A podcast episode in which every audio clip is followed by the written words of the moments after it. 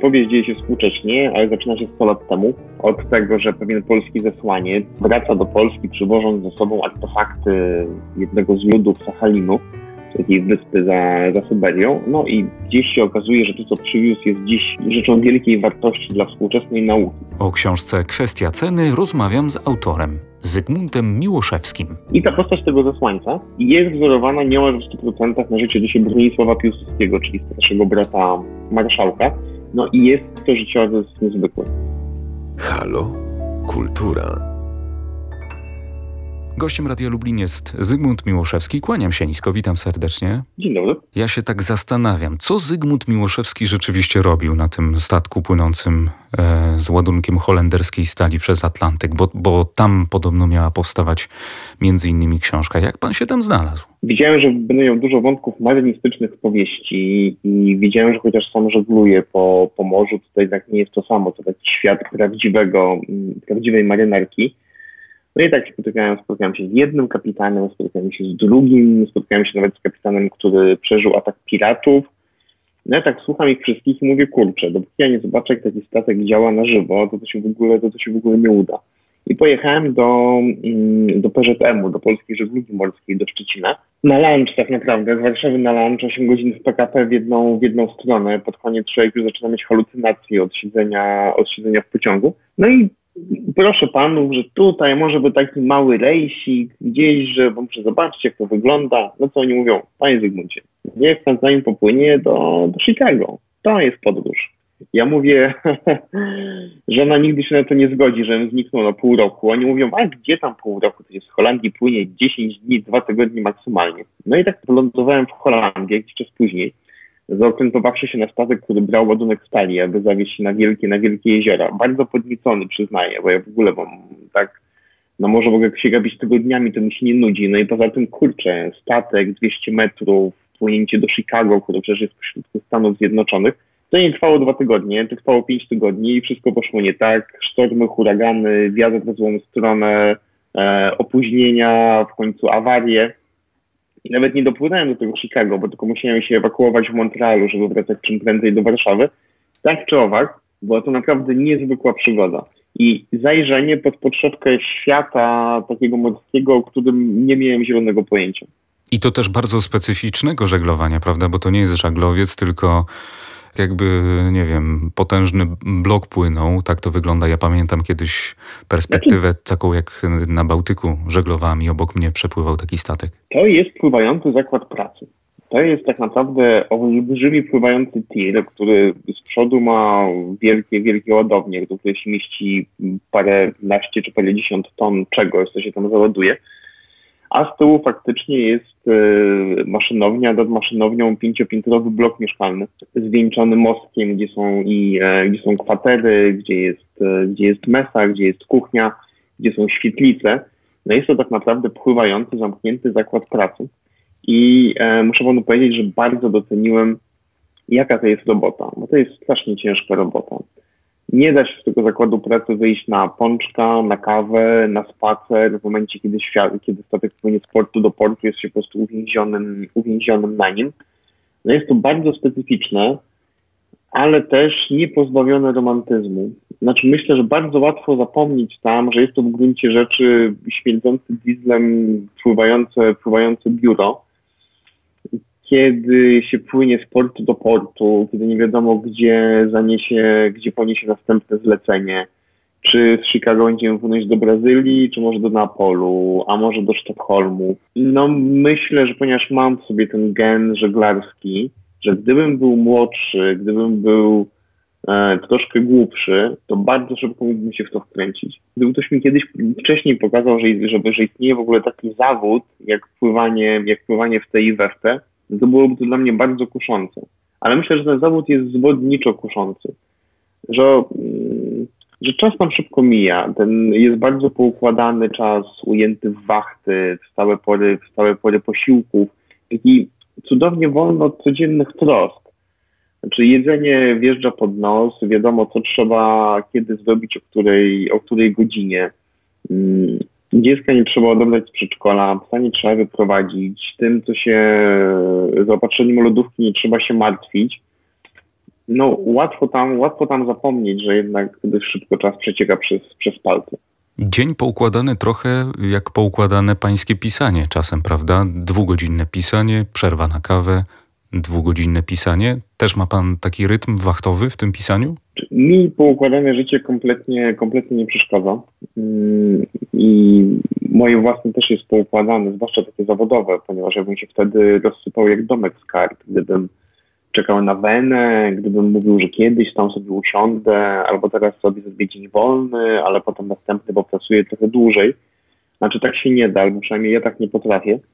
Czyli faktycznie ten, te, te, te pół roku, te pół roku pisania po prostu chodzę jak, chodzę jak do biura. Czyli muszę siedzieć minimum 6 godzin przy, przy komputerze. Czasami przez te 6 godzin napiszę 0 zdań, czasami napiszę 10 zdań, czasami 100 zdań już jestem na tyle doświadczony, że wiem, żeby nie wpadać, nie wpadać w panikę. No i tak sobie ten dzień układam. Naprawdę idę jak do, idę jak do biura, zakładam nawet strój służbowy, który składa się ze spodni od dresu i starego polaru, w którym piszę od 15 lat. Początek pisania był e, na statku, koniec e, już w dobie pandemii. E, można byłoby pomyśleć, że niby dwie różne rzeczywistości, ale chyba i tu, i tu człowiek jest trochę uwięziony i odosobniony. Znaczy, wiem, mi w ogóle uwięzienie nie przeszkadza. Ja kilka dni temu rozmawiałem, nawet mieliśmy wspólną audycję właśnie radiową razem z Jasią Pajkowską. To jest Słucham. żeglarka, która, o, tak, to jest e, żeglarka, która opłynęła świat dookoła jako pierwsza, jako pierwsza Polka, samotnie bez zawijania do żadnego portu. I Myśmy właśnie rozmawiali o, o samotności. E, I może nie tyle takiej samotności, kiedy człowiek jest sam, a bardzo nie chciałby być sam, tylko o takim byciu samemu, które jest uważane za coś złego i co ona zna z samotności kokpitu, ja znam z samotności gabinetu pisarskiego, przecież to jest praca absurdalnie, więc, e, absurdalnie wręcz jednoosobowa i że stan takiego bycia samemu to nie jest zły stan. Ja też wrócę do tego swojego rejsu przez Atlantyk, kiedy jakby jest taka cudowna analogowość, znaczy odłączenie od wszystkich naszych elektronicznych zabawek, od powiadomień, maili, SMS-ów, telefonów i można naprawdę pobyć ze sobą samemu. I już mało, mało miejsc daje tyle możliwości nudzenia się niż, niż właśnie może. No dobrze, przejdźmy do kwestii czasu. Do thrillera, do książki przygodowej, do thrillera przygodowego, co panu najbardziej pasuje? Kwestii ceny, tutaj poprawię. Będę nie kwestii ceny, tak, oczywiście, tak jest. Powodów handlowych. Ale tak. uważam, że to bardzo ciekawe przejęzyczenie. Też uważam, że kwestia czasu to jest prawdziwa kwestia. to prawda. To prawda. Mhm. Bo jednak sceną to coś się dozbiera, coś się urwie, coś się zrobi, znajdzie się jakąś okazję, ale czas jest naprawdę bezcenny. Odpowiadając na pytanie, ja mówię powieść przygodowa. Wydawca prosi, mów thriller, bo ludzie wiedzą, to thriller, przygodowa to się kojarzy po prostu z jakimś szklarskim i wernem ale ja z pełną odpowiedzialnością mówię powieść przygodowa, dlatego że jeśli mm, Państwo czytaliście, czytacie książki, to na pewno znacie takie uczucie z dzieciństwa, jak czytaliśmy przez te powierzchni, po, powieści przygodowe. E, właśnie te powieści czy Werna, czy Szklarskiego, czy, czy Niziurskiego, czy, czy Bagdaja, czy Dima, czy w ogóle taką wielką powieść e, przygodową. I to jest bardzo celowo jakby emocja, którą chciałbym ja wstrzesić u swoich czytelników tej właśnie takiej dziecięcej radochy, że nie mogliśmy się doczekać, aż skończy się dzień, aż wejdziemy z książką po prostu pod kołdrę i dowiemy się, jakie niesamowite rzeczy się wydarzą, się wydarzą dalej. Także ja mówię powieść przygodowa, no i tak samo jak kiedyś powieści przygodowe pisano nie dla czczej rozrywki, tylko, tylko po coś, mm, no to ten styl też mi jest bliski. Uważam, że literatura powinna zabrać nas do innego świata, zaoferować wspaniałe przygody, ale jednocześnie nie ma sensu czytać czegoś, co jest tylko i wyłącznie dla rozrywki. Znaczy myślę, że fajnie, jak już człowiek ma ten głos, to się na jakiś temat jednak wypowiedzieć. To kwestia ceny rzeczywiście daje nam przygody i zabiera nas w najróżniejsze zakątki. E, w zasadzie w dobrym czasie ona się pojawiła, w czasie, kiedy trochę te nasze podróże są ograniczone, a tutaj możemy być i na Syberii, i w Paryżu, i w Warszawie, i gdzieś jeszcze na morzu. Bardzo szerokie spektrum miejsc, które pan odwiedza w tej książce, prawda? Nawet się zastanawialiśmy, czy nie zrobić sloganu jedyna przygoda, jaką przeżyjesz tego lata. ale jednak uznaliśmy, że ten nie należy ludzi dołować zamknięciem i tutaj ograniczeniem możliwości, możliwości wakacyjnych. Tak, tak, tam faktycznie się dużo, tam faktycznie się dużo dzieje. Ja też trochę odreagowuję pisanie, pisanie kryminałów, które są jednak gdzieś tam takie dość, dość duszne, ograniczone do jednej przestrzeni miejskiej, a, a jednak bardziej mnie pociąga taka wielka, wielka epika. Muszę przyznać, że tak jak rozmawiałem z, ze znajomymi, którzy e, czytali książkę, to, to wszyscy są zgodni, że zmusza pan do główkowania, a nawet i czasami do googlowania, do powiedzenia sprawdzam. Bo w tej książce jest tyle e, żargonu z przeróżnych dziedzin, z żeglarstwa, z historii sztuki, etnografii, medycyny, no, że, że aż chce się sprawdzić, czy przypadkiem e, Zygmunt Miłoszewski troszkę nie oszukuje. Czy takie rzeczywiście rzeczy w ogóle istnieją. E, sporo pracy trzeba było wykonać, bo mówił Pan już o tej pracy, że jeśli chodzi o żargon żeglarski, trzeba było trochę e, zdobyć wiedzy. Z pozostałych dziedzin rozumiem też. To, to jest zawsze kwestia wiarygodności, że mm, jeśli rozmawia ze sobą dwóch żeglarzy, nie powie jeden do drugiego, weź no pociągnij ten sznurek, który tam wisi z lewej strony, tylko powie wybierz lewy szot foka na przykład. Mm, no i to jest też kwestia wiarygodności, żeby bohaterowie używali takiego języka, jakiego by naprawdę użyli. E, jeśli bohaterka jest historyczką, historyczką sztuki, to e, nie powie, też będzie używać po prostu e, swojego, swojego, swojego słownictwa. I w ogóle myślę, że dzisiaj od czytelnika można wymagać trochę więcej.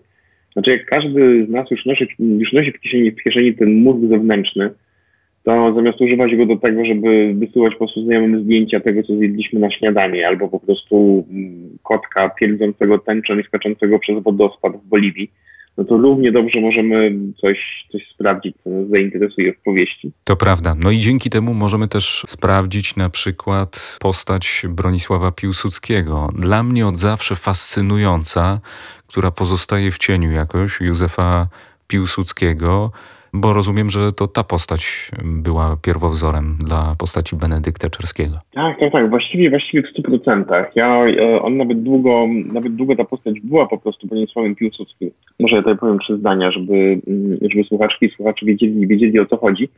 Że faktycznie powieść dzieje się współcześnie, ale zaczyna się 100 lat temu od tego, że pewien polski zesłaniec i e, wraca do Polski, przywożąc ze sobą artefakty jednego z ludów Sachalinu, takiej wyspy za, za Syberią. No i gdzieś się okazuje, że to, co przywiózł, jest dziś e, rzeczą wielkiej wartości dla współczesnej nauki. O, tak, e, tak w skrócie. I ta postać tego zesłańca jest wzorowana niemal w 100% na życie dzisiaj Bronisława, Bronisława Piłsudskiego, czyli starszego brata marszałka. No i jest to życiorys, jest to życiorys niezwykły. On miał być Piłsudskim, ja mu zmieniłem, e, zmieniłem mu nazwisko, dlatego że jednak dodałem zbyt dużo fikcyjnych elementów do jego, do jego biografii. Uznałem, że to byłoby nie, że to byłoby nie fair. Ale jeśli Państwo możecie sobie przeczytać, to jest na przykład świetna książka Wojciecha Lady, Pożytki, Pożytki z Katorgi, a, o tym, że niektórzy zesłańcy wcale tam grzecznie nie umierali, tylko robili wielkie kariery naukowe, albo wielkie kariery handlowe, albo wielkie kariery przemysłowe. Bardzo to jest ciekawy wątek tutaj naszej, naszej historii. Ja zawsze namawiam, żeby na historię patrzeć poprzez fakty, a nie poprzez mitologię. Mm, no i właśnie starszy brat Józefa Piłsudskiego, mm, Bronisław, zesłany za jakieś zamieszanie drugorzędnych spisek na cara, został tam zesłany i został tam jednym z ojców założycieli etnografii, badając lokalne, lokalne ludy na, na, dalekiej Syberii, na Sachalinie. Miał tam żonę Ainuskę, księżniczkę, bo była córką, córką wodza. Miał dwójkę, miał dwójkę dzieci. Do dziś w Japonii żyją potomkowie Bronisławia, Bronisława, w których żyłach płynie krew Piłsudskich bardzo, bardzo ciekawy życiorys. Jest też trochę zabawy z czytelnikiem, bo chyba tak y, bym określił te tagi, które się pojawiają na początku y, każdego rozdziału. Blada niebieska kropka, bursztynowa komnata, złoty pociąg, kopiec dziecięcych y, jakby czaszek.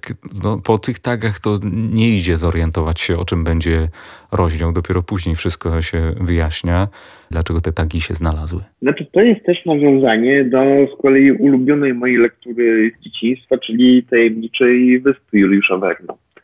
gdzie właśnie w ten sposób pojawiają się takie no, tagi, czy jakby zajawki, czy takie krótkie, krótkie skróty tego, co się wydarzy w danym rozdziale, z jednej strony coś mówią i coś obiecują, ale z drugiej nie mówią na tyle, żeby czytelnik mógł się zorientować o co, mm, o co chodzi. Bardzo, bardzo to jest czytelne nawiązanie do wielkich, do wielkich powieści przygodowych e, i przyznaję, że zawsze chciałem zrobić coś takiego i teraz nadarzyła się, nadarzyła się okazja.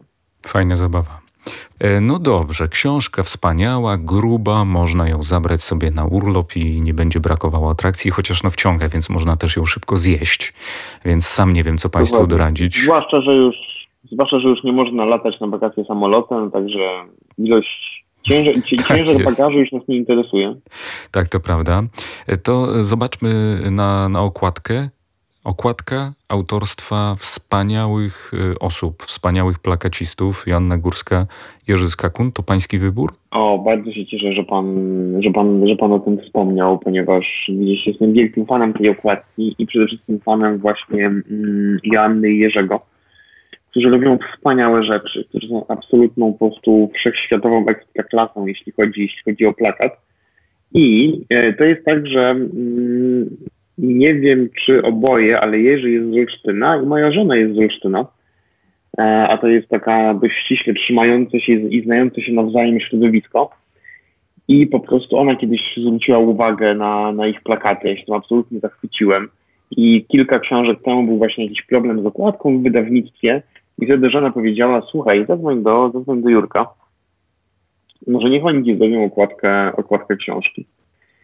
I faktycznie już od kilku powieści działamy, działamy razem. No jestem po prostu tak dumny z tego, że oni to, że oni to robią. No to nie wiem, to nie, nie wiem, co bym musiał wbić w dumę bardziej. Chyba gdyby moją okładkę narysował Grzegorz Leśnicki. Hmm, piękna okładka, piękna sprawa. Tak. Piękna sprawa, ale też przede wszystkim, jeśli Państwo, jeśli Państwo słuchacie, proszę wygooglać sobie Homework Design albo wrzucić w Google Janna Górska, Jerzy Skakun i zobaczyć przede wszystkim ich projekty plakatów teatralnych i filmowych. Jest to niezwykłe. Znaczy, ponieważ mm, z każdym z tych pla plakatów jest zawarta jakaś taka mądra, prześmiewcza, przewrotna anegdota graficzna, e, taka gra z treścią spektaklu bądź filmu. No wspaniała, wspaniała rzecz. W książce pojawia się e, profesor Zofia Lorenz, ale tak sobie myślę, że mm, oczywiście warto przeczytać poprzednie książki Zygmunta Miłoszewskiego, ale, ale tych y, powiązań chyba nie jest na tyle, żeby ktoś, kto sięgnie najpierw po kwestię ceny, miał jakiś problem, prawda? Kompletnie. Znaczy, to w ogóle długo miał, mieli być inni, inni bohaterowie. Potem sobie pomyślałem, że ci bohaterowie w sumie z bezcennego udali się na tyle, że mogli wykorzystać jeszcze raz. Ale broń Boże, to nie jest żaden tom drugi, czyli są to po prostu przygody mm, częściowo tych samych bohaterów kilka lat, e, kilka lat później. W zupełnie innym sosie, to już mniej jest o historii sztuki, bardziej o historii nauki, o nauce w ogóle.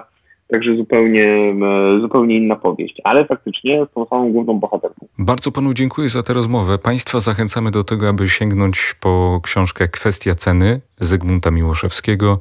E, Życzę panu dobrego popołudnia i pozdrawiam. Bardzo dziękuję. Halo? Kultura. A ja zachęcam także do odsłuchania innych podcastów, które ukazały się w ramach cyklu Halo Kultura. Na naszym kanale dostępne m.in. rozmowy z kompozytorem Tomaszem Mirtem, aktorką i reżyserką Aleksandrą Popławską czy pisarzem Wojciechem Friedmanem. Zachęcam i życzę miłego odsłuchu.